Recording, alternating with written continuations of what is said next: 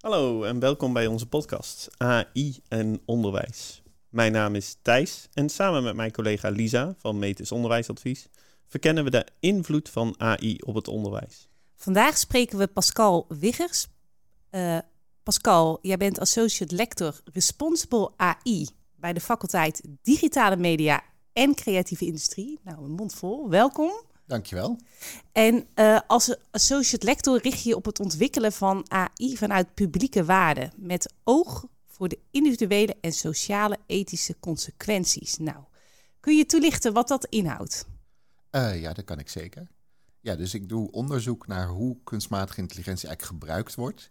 Um, en in hoeverre dat dan ook ethische gevolgen heeft. Dus denk aan hè, een heel typisch voorbeeld is kunstmatige intelligentie die je gebruikt voor werving en selectie. Hè, dus sollicitatiebrieven die automatisch door de AI beoordeeld worden. In hoeverre is dat nou inclusief? In hoeverre werkt dat voor iedereen hetzelfde? Of sluipen er stiekem toch vooroordelen in zo'n AI?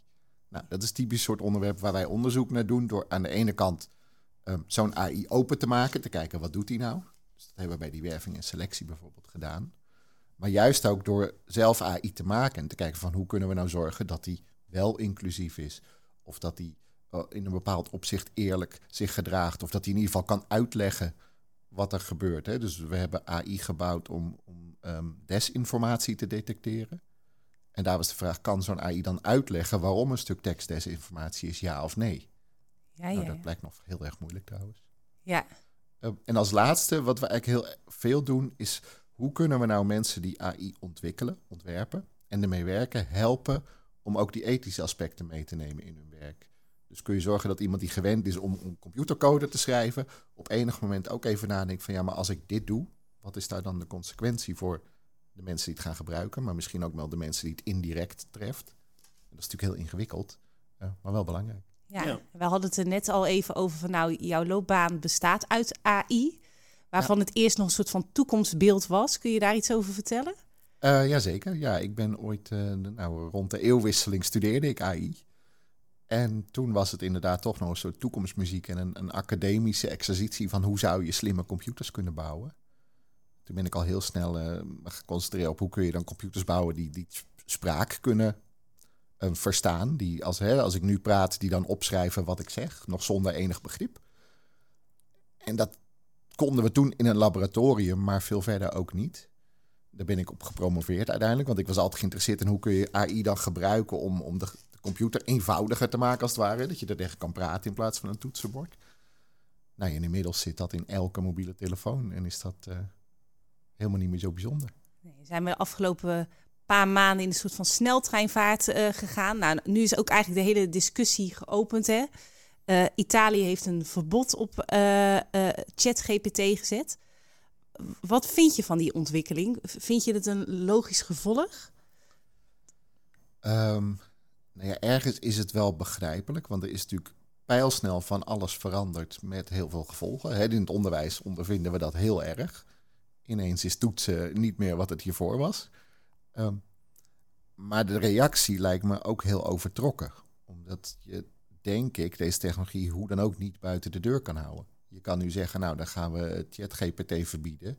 Maar er zijn allerlei concurrenten die, die je zo van het internet kunt downloaden. Hoe ga je dat in de gaten houden? Nou, ik, uh, uh, vanochtend zag ik op LinkedIn dat er binnen 48 uur na het verbod inmiddels Pizza GPT online is. En dat, dat is dus uh, in Italië beschikbaar. En dat heeft iemand puur met als, als doel gebouwd om het beschikbaar te houden. Dus, dus eigenlijk heeft de overheid vanuit een privacy overweging hebben zij, hebben zij gezegd, hè, dit voldoet niet aan de Europese regels. Mm -hmm. um, dus dus di dit willen wij niet in, in ons land. Um, en, en eigenlijk is er binnen 48 uur een, omzeiling daarin gekomen. Denk je dat dat de, iedere keer zal gebeuren zodra er een, een verbod plaatsvindt? Nee, dat is heel waarschijnlijk, omdat het zo makkelijk is om te omzeilen. En als je het niet via GPT doet, dan doe je het via de Google-concurrent. Of dan download je het systeem van, van Meta, dus van Facebook, en dan ga je daar iets mee bouwen. Um, maar het lastige is met, met wetgeving, die loopt altijd achter op dit soort ontwikkelingen. Europa heeft best veel wetgeving ontwikkeld de laatste jaren op AI. Die is nog niet helemaal van kracht. Die wordt dit jaar eigenlijk van kracht.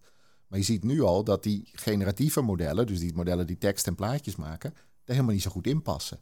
Dus daar moet je weer nieuwe wetgeving voor bedenken. Tegelijkertijd is dat natuurlijk wel de route om op een gegeven moment te zeggen: bepaalde dingen willen wij in Europa gewoon überhaupt niet. En alle aanbieders hebben zich daaraan te houden. Ja. Dat wordt nog steeds ingewikkeld. Dus ik denk dat je het niet alleen met wetgeving kunt oplossen. Dat je moet afvragen wat het woord oplossen hier trouwens wel juist is. Uh, maar je zal daar ongetwijfeld iets aan kunnen doen. Ja. Maar niet op zo'n korte termijn. Vanaf vandaag is het verboden en klaar. Want wat, wat voor regelgeving, waar moeten wij aan denken? Um, nou, de, de, huidige AI-regelgeving gaat heel erg over... Um, kun je controleren wat AI aan het doen is? In Mhm. hoeverre kun je begrijpen wat daarin gebeurt? Um, kun je vanuit overheidswegen dat ook regelmatig doen. Dus dat je een soort toetsinstantie hebt die, die algoritmes gaat bestuderen. Ik denk in Nederland is onze toeslagenaffaire is een heel goed voorbeeld daarvan. Waarvan je zou zeggen van ja, eigenlijk had, ik, had je gewild dat iemand daar toezicht op had gehouden. Mhm. Of had geweten dat dat er was en, en af en toe had gekeken hoe het werkt. Dan werkt het wel voor iedereen even goed. Nou, daar gaat die regelgeving heel erg over. Um, en die regelgeving die deelt AI in in verschillende categorieën. Van heel gevaarlijk tot, nou ja, prima. Um, en als het heel gevaarlijk is, dan kom je het gebied van, dan gaan we ook echt dingen verbieden. Mhm. Dus um, in hoeverre mag je nou reclames maken die jouw gedrag um, aan de hand van cookies uh, gaan voorspellen? Nou, da daar kom je misschien in een vervelend gebied. Wat je nu ziet is dat allerlei bedrijven gaan lobbyen van ja, maar het zijn maar reclames. Of uh, wij bieden, wij zijn Netflix. Nou ja, onze aanbevelingen zijn toch geen probleem. Dus uh, die moeten dan niet in de categorie gevaarlijk. Tot de speelgoedfabrikant met de slimme teddybeer. Zegt van ja, maar het is maar een stukje speelgoed. Ja, ja, goed, maar als die mijn data opneemt en ergens naartoe stuurt, en dan, dan is dat misschien niet zo onschuldig als het lijkt. Ja, dus het zit een deel op die transparantie en uh, Ja, uh, erg. vertrouwen. Hè? Van oké, Ja. hoe, hoe Ja. weten we nou eigenlijk uh, uh, nou ja, waar het model zijn data op, uh, hè, hoe die dat baseert, waar die het op baseert. Mhm. Um, ik weet uit de vorige podcast met studenten dat ze ook eigenlijk zeiden dat, dat het de ontwikkeling van ChatGPT uh, 3.0 naar 3.5, uh, dat het eigenlijk veel meer gesloten geworden is. Dus eigenlijk lijkt die uh, ontwikkeling van AI niet de juiste richting aan op te gaan. Kan ik dat goed zeggen?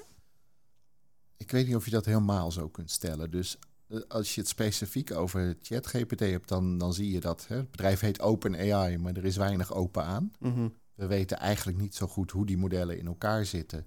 Wel grofweg hoor, maar we weten niet de details. En van GPT-4 is dat alweer, die is ingewikkelder. Maar we weten niet precies hoe die werkt. Um, we weten ook niet wat voor data gebruikt is om hem te maken. Terwijl dat wel belangrijk is om te begrijpen van wat kan die dan wel en wat kan die dan niet. En voor wie werkt het goed en voor wie een tikkeltje minder. Um, nu moet je er maar op vertrouwen dat die organisatie dat allemaal doet. Uh, maar dan zijn zij ook de enige die daar dus een beslissing over kunnen nemen. Ja, en dan zeg je, daar moet je maar op vertrouwen. Moet je daarop vertrouwen?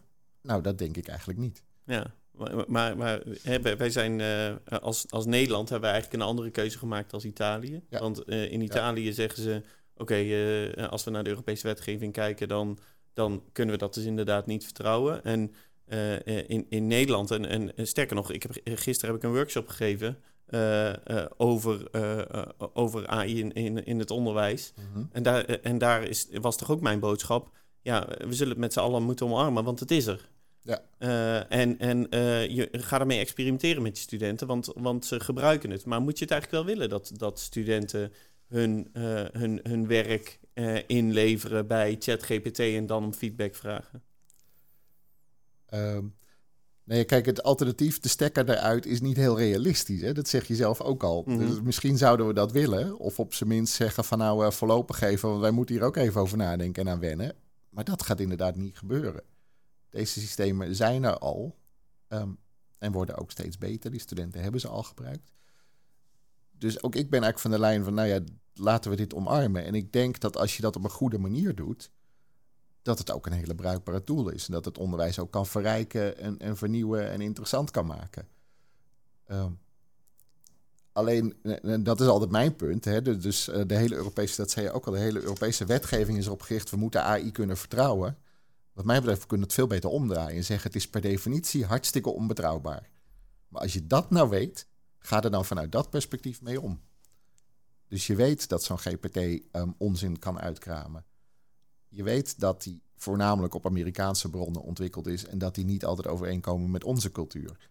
Ehm, dus je kan het niet één of één overnemen. En ik denk dat je daar met studenten over moet hebben.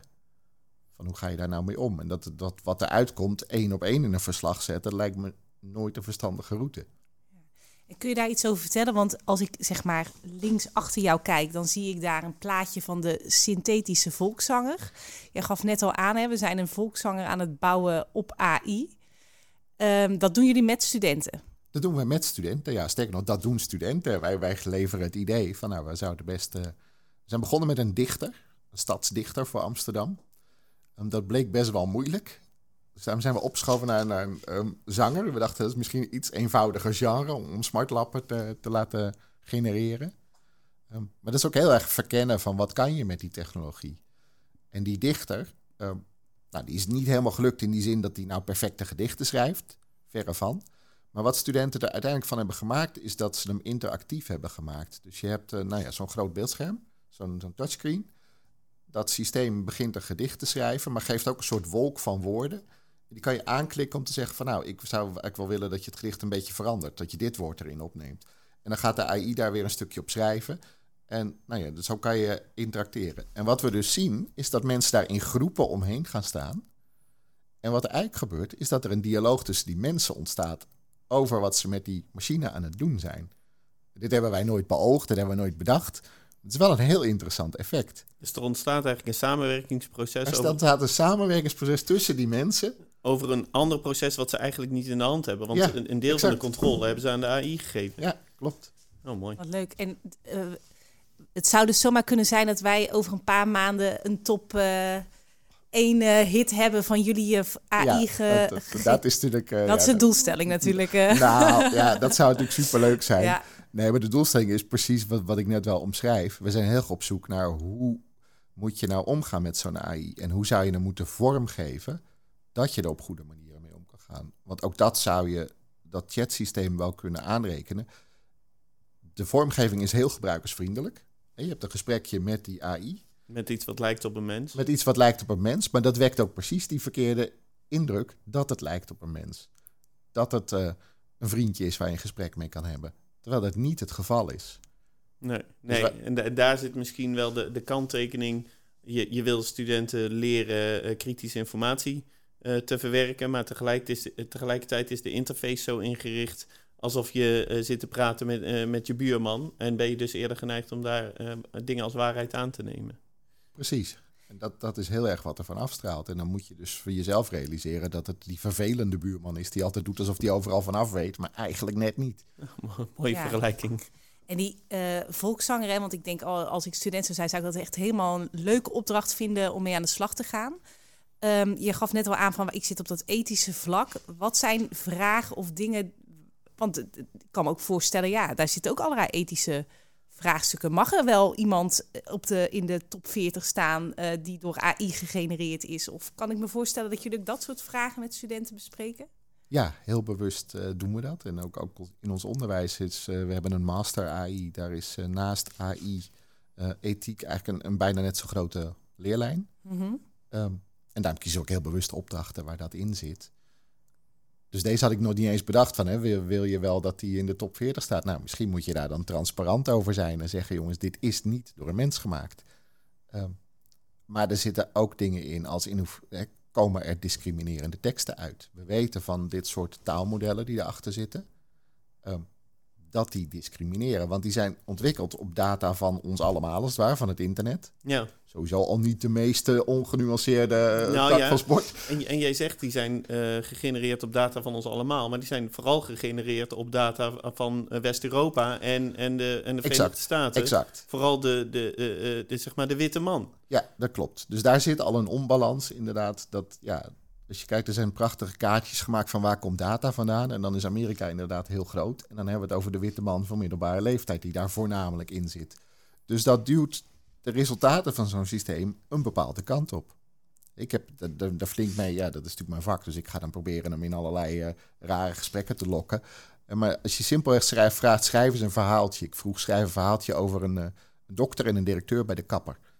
Nou ja, dat is dan op zich nog heel onschuldig. Maar dan worden de dokter en de directeur worden mannen. die bij die kapper zitten te praten over hoe hard ze wel niet werken en hoeveel verantwoordelijkheid ze wel niet hebben. En de kapper is natuurlijk een vrouw die geëmotioneerd meeluistert en het allemaal maar zo knap vindt wat die mannen doen. En denk je, ja, dat is toch een bepaalde invalshoek. Ja, en, en dat is, hè, als, je, als je datzelfde experiment, zeg maar, als je dat vijf keer opnieuw aan, uh, aan ChatGPT Dat heb ik gedaan in verschillende talen en verschillende varianten. Ik kom steeds dezelfde situatie uit. De, altijd, de, de, de kapster is een vrouw en de directeur is een man. Ja. ja. Ja.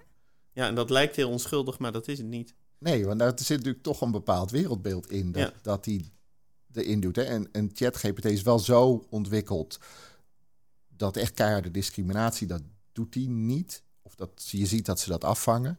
Dus waar ik in januari nog vroeg van nou, als een man nou een bouwvakker is, wat is een vrouw dan? Toen zei die huisvrouw. Ja, maar vervolgens kwam er wel achteraan, maar dit zou als discriminerend ervaren kunnen worden. Ik denk, ja, maar je hebt het nou wel gezegd. Ja. Ehm, inmiddels lukt dat niet meer, dus ze stellen hem ook wel bij. Ja. En daar zit dan weer de duistere kant aan dat er dus mensen zijn die heel veel ellende moeten bekijken en dat moeten beoordelen. Dat is de enige manier om het systeem bij te stellen. Ehm, maar goed, dat geldt niet voor al dat soort systemen. En dan nog zit die, die zeg, meer subtiele variant, die zit er nog steeds in. Want ja om dat op te vangen, zou je wereldwijd data moeten gebruiken of zo. En, Kun je iets toelichten over, want je zegt de helft is ethiek bij, die opleiding? Nou, een derde. Maar, of, of een derde, maar hoe uh, nemen jullie studenten daarin mee? Zijn dat colleges, zijn dat lessen, zijn dat discussies, zijn dat, lokken jullie ze expres met... Hoe, hoe, hoe ja, ja, nee, dus het gaat over ons masterprogramma kunstmatige intelligentie. Mhm. Dat draait dit jaar voor het eerst. Um, en dat hadden we helemaal opgezet rondom programmatisch toetsen al bij voorbaat. Mhm. Ehm, en, en eigenlijk zitten er drie lijnen in. Dus er zit een AI-lijn in waarin je leert hoe kunstmatige intelligentie werkt. Er zit een ontwerplijn in waarin je leert nadenken over wat is dan eigenlijk het vraagstuk dat ik moet oplossen. Voor wie los ik dat op? Wat is de bredere context? Ehm, moet ik dan wel AI gebruiken? En er zit een, een filosofie- en ethieklijn in die meer over de reflectie gaat. Van wat zijn de consequenties eigenlijk van wat ik doe als ik dit zou doen? Wie zit er eigenlijk in mijn data, enzovoort. Um, en de hele opleiding is gebaseerd op projecten. Dus in het eerste blok doen ze van tien weken doen ze een project rondom beeldverwerking. In het tweede blok doen ze een project rondom taalverwerking.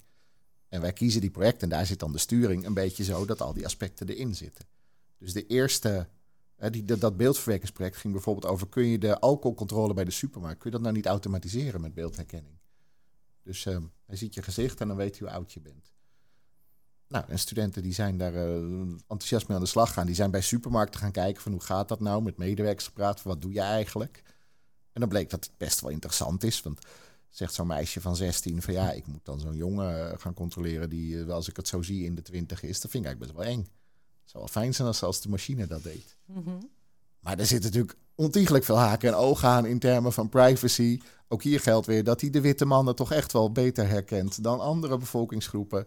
Um, dat als je data gaat zoeken, dan vind je ook vooral data die heel scheef is om zo'n systeem op te ontwikkelen. Ja. Dus zo lopen studenten er eigenlijk in die opdracht tegenaan.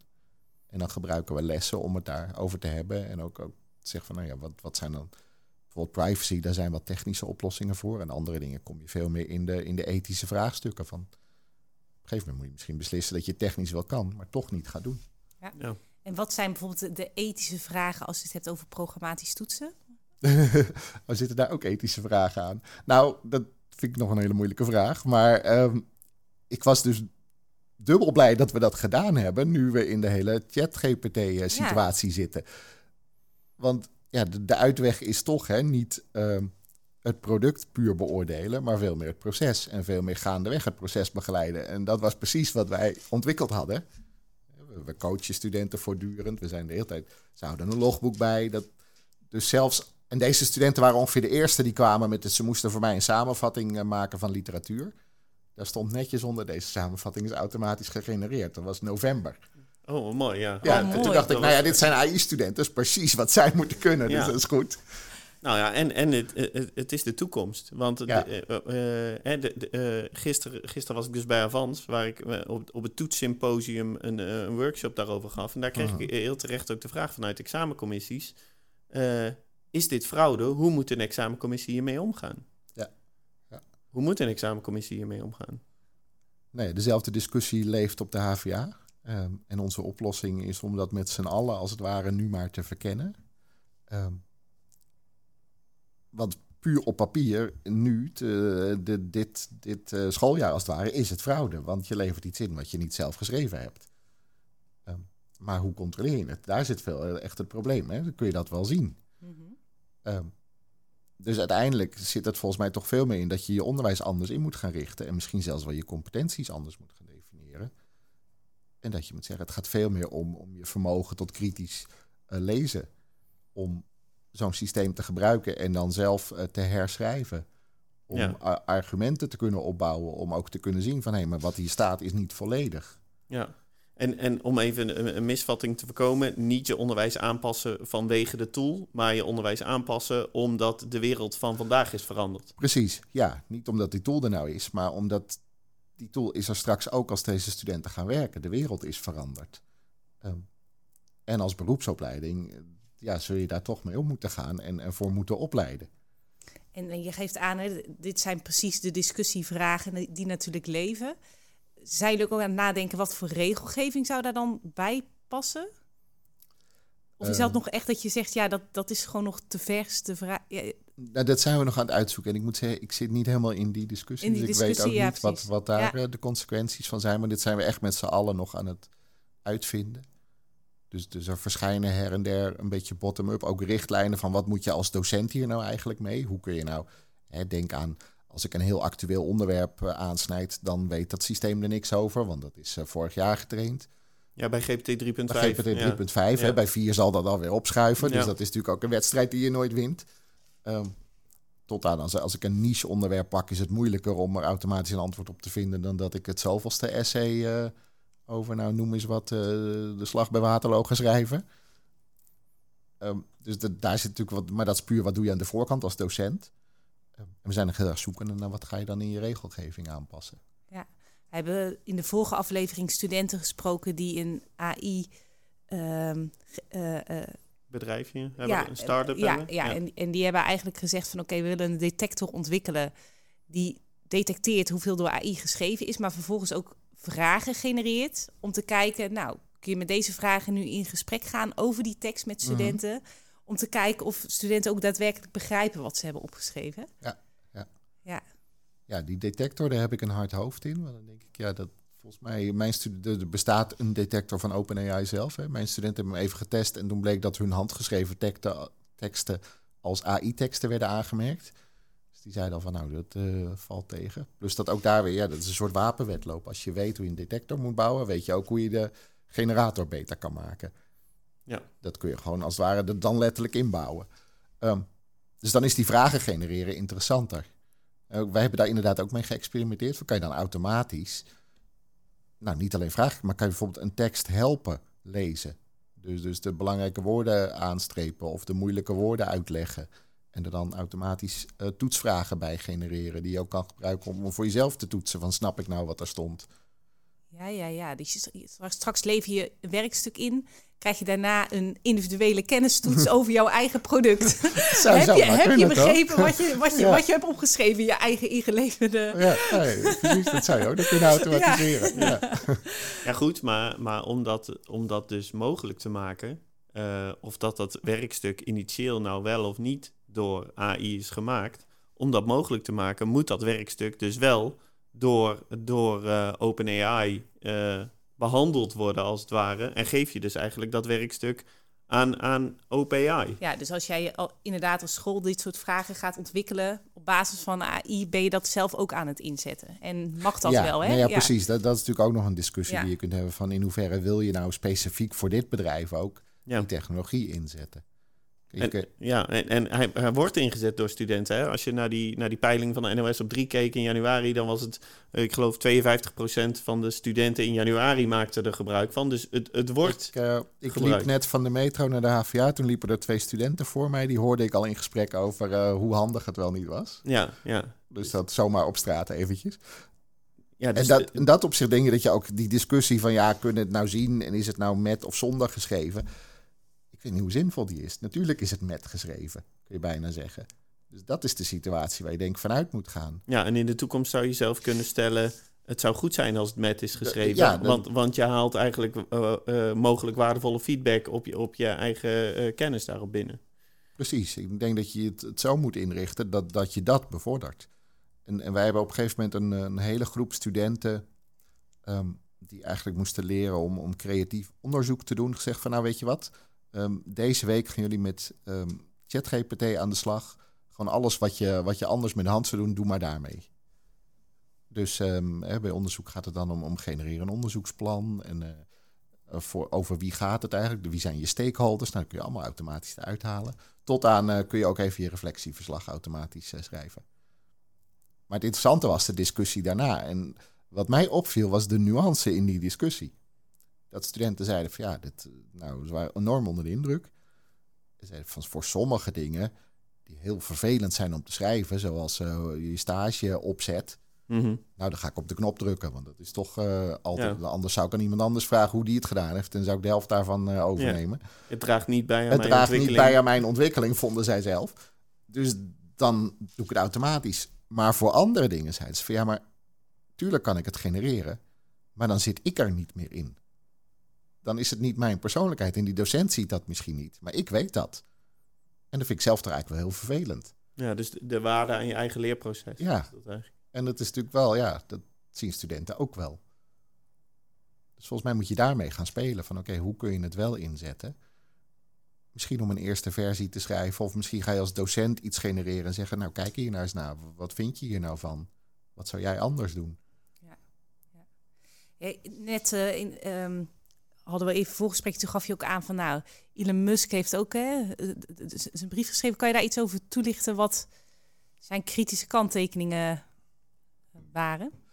Ja, nou, dit, op zich hebben we die ook wel een beetje geraakt. Hè? Dus Elon Musk en anderen hebben een open brief geschreven van het gaat nu allemaal zo hard. Um, dit raakt iedereen, alles verandert. We moeten een half jaar op de pauzeknop drukken. Ja. En geen AI meer ontwikkelen, even een half jaar lang. En heel snel wel wetgeving ontwikkelen. Nou, ik zei net al, in Europa hebben we op zich wetgeving ontwikkeld. En niet in een half jaar, dat heeft heel lang geduurd. En nog zijn er allerlei mensen die daar kritiek op hebben. Het lastige aan dat verhaal vind ik dat Elon Musk... Nee, ik moet het even loskoppelen van zijn persoon eigenlijk. Er zit, er zit een zekere kern van waarheid in dat kunstmatige intelligentie keihard gaat en heel veel beroepen, heel veel dingen zal veranderen. En ik denk dat het belangrijk is dat we ons daarvan bewust zijn en daar iets mee gaan doen. Als maatschappij. En dat, dat onze politiek zich daar ook van bewust is. Dat hier echt een, een soort verschuiving plaatsvindt.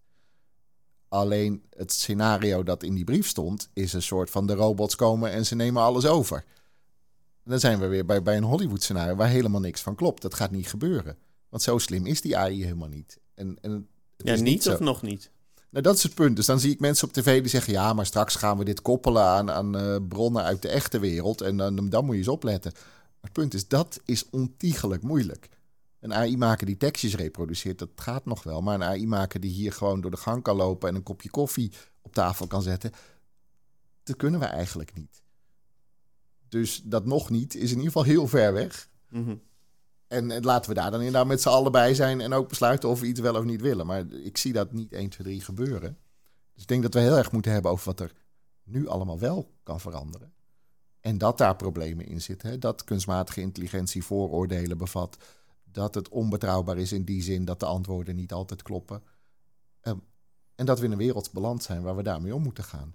Ja, het is wel interessant, want jij gaf dus ook aan dat jullie bij de HVA daar ook al echt op ingericht zijn. Hè? Dus jullie hebben per faculteit een AI-lab. Kan je daar iets over toelichten? Uh, ja, dus we hebben een zogenaamd Center of Expertise opgericht rondom kunstmatige intelligentie. Dat is in 2020 van start gegaan. Eigenlijk omdat we ons daarvoor al de vraag stelden van stel dat AI de beloftes waarmaakt die er nou, 2018, 2019 waren wat gebeurt er dan? En de conclusie was, nou ja, dan verandert bijna elk beroep waar wij voor opleiden. Dus dan kunnen we maar beter zorgen dat we in die opleidingen daar aandacht aan besteden. Um, en wat we dus gedaan hebben, is dat we eigenlijk per faculteit inderdaad een lab hebben gemaakt. Of soms was er al een lab en dat, dat is, die, heeft die vorm aangenomen. Waarin mensen zitten die kijken van wat is de, het gevolg van kunstmatige intelligentie voor de opleidingen bij mijn faculteit. Um, en kijken in hoeverre moet dat dan in het onderwijsprogramma belanden. Want het idee is ook, voor verpleegkunde zal dat iets anders zijn dan voor communicatie. Mm -hmm. Dus dat wil je eigenlijk uh, domeinspecifiek doen. Ehm, en ondertussen doen we met z'n allen onderzoek naar wat kan die AI voor ons betekenen en, en hoe kunnen we het op een interessante manier inzetten. Ja, dus die faculteiten, dat, dat loopt nu zo'n beetje uh, vier, vijf jaar. Ja. Ehm, zie je daar interessante verschillen in ontstaan? Um, nou ja, in zoverre dat het over heel verschillende dingen gaat. Maar ik, ja, dus ik vind het moeilijk om dan te zeggen van ja, dit, uh, het is bijna appels met peren vergelijken, zou ik zeggen. Ja, maar zie je dat er dus ook heel erg uiteenlopen? Want, want uh, nou ja, als je eigenlijk vanaf eind november tot nu kijkt, dan zie je dat er in de maatschappij een, vooral een grote verwondering plaatsvindt. Ja. Omdat er heel veel mensen eigenlijk vanuit een beginsituatie starten. Ik had geen idee dat dit eraan zat te komen. Ja. En Bo kan dit ook nog. Ja. En, en nu zie je heel geleidelijk zie je dat veranderen naar... Oké, uh, we moeten hier iets mee. Maar jullie zaten daar eigenlijk uh, dus, dus vijf jaar voor. Van oké, okay, we, we, moeten hier iets mee. Ja. En, en ik kan me voorstellen dat, dat um, als je kijkt naar de verschillende opleidingen... en als je kijkt naar de verschillende vakgebieden dan moet inderdaad een opleiding uh, verpleegkunde moet hier op een totaal andere manier iets mee dan, de, dan de faculteit economie. Ja. ja. En, en, zie, je, zie je daar in, in uitwerking, zie je daar al, al verschillen in? Of, of is het vooral nog de, de adaptie nu van het, het is er? Um, nou, kijk, specifiek deze technologie overviel in zekere zin iedereen. Maar je ziet dat de, inderdaad verschillende reacties zijn. Je ziet dat bij de techniekfaculteit bijvoorbeeld dat omarmen heel logisch klinkt. En hè, dan zegt ook iemand van, god, maar wat wij eigenlijk willen is dingen bouwen en ontwerpen. En dan moeten we over schrijven, moeten we documenteren. Dat vonden we altijd wel irritant. Heel fijn dat de computer daarbij kan helpen. Terwijl opleidingen die heel erg over taal en tekst gaan, die hadden het geloof ik niet zo zien aankomen. En daar zit veel meer de schrik. Hè? De communicatieopleiding, maar ook de lerarenopleidingen bijvoorbeeld. Dat is natuurlijk heel erg zoeken. Dan moet je ineens iets heel erg anders gaan doen. Maar wat weten we met z'n allen nog niet precies. Dus daar zitten denk ik verschillen. Um, ja, wat, dus je benoemt eigenlijk een verschil in emotie. Een uh, verschil in emotie, maar ook, ja, dus ook in, in, zag je het aankomen, ja of nee. Dus ik zit zelf, dat zei je aan het begin, bij de faculteit Digitale Media en Creatieve Industrie. Dus dat loopt over ICT naar um, CMD, dus uh, Communicatie, Multimedia, Design, naar Communicatie, Creative Business en Mode. Um, en je ziet dat dat een faculteit is die nu heel erg geraakt wordt. Die tot nog toe bij AI-ontwikkeling eigenlijk altijd een beetje achterover kon zitten van... Nou, dat treft ons niet. Wij zijn hooguit de mensen die helpen. Creatief zijn. Die creatief zijn. En nu ineens blijkt dat AI dat tot op zekere hoogte ook kan. Ja. Um, dus daar is het heel erg zoeken hadden het uh, net al even over. We zijn ook bij Sint-Lucas geweest, hè, dus echt creatieve, creatieve opleidingen. Ja, en die gaven ook aan, van het gaat zo snel. Onze vormgever, die had ook zoiets van, wow... Uh, ja, van, uh, van Metis, hè? Ja, ja, van Metis, die had ook zoiets van, goh, wat, wat kunnen we ermee? Adobe Photoshop, hè, die heeft... en ja, Adobe, het hele Adobe pakket is nu ook al AI geïntegreerd. Dus het gaat inderdaad op alle vlakken in, enorm hard. Ja. Ja, mooi. En we hebben eigenlijk nog, iedere podcast is een beetje standaard vraag ontstaan. Uh, en ik ben ook benieuwd naar jouw perspectief erop. Als, als we nu hier staan, eh, zou jij een voorzichtige blik in de toekomst uh, durven werpen? Ja, dat, dat heb ik de afgelopen jaren een beetje afgeleerd. Maar um, nou, kijk, ik denk dat deze ontwikkeling zich nog wel even doorzet. Want we gaan niet op een pauzeknop drukken. En wat denk ik heel erg voor de hand ligt, is dat een aantal tekortkomingen van de huidige technologie, die kun je technisch fixen. Dus hè, een voorbeeld, uh, ChatGPT kan geen bronnen geven. En als die bronnen geeft, dan zijn ze verzonnen en vaak nep.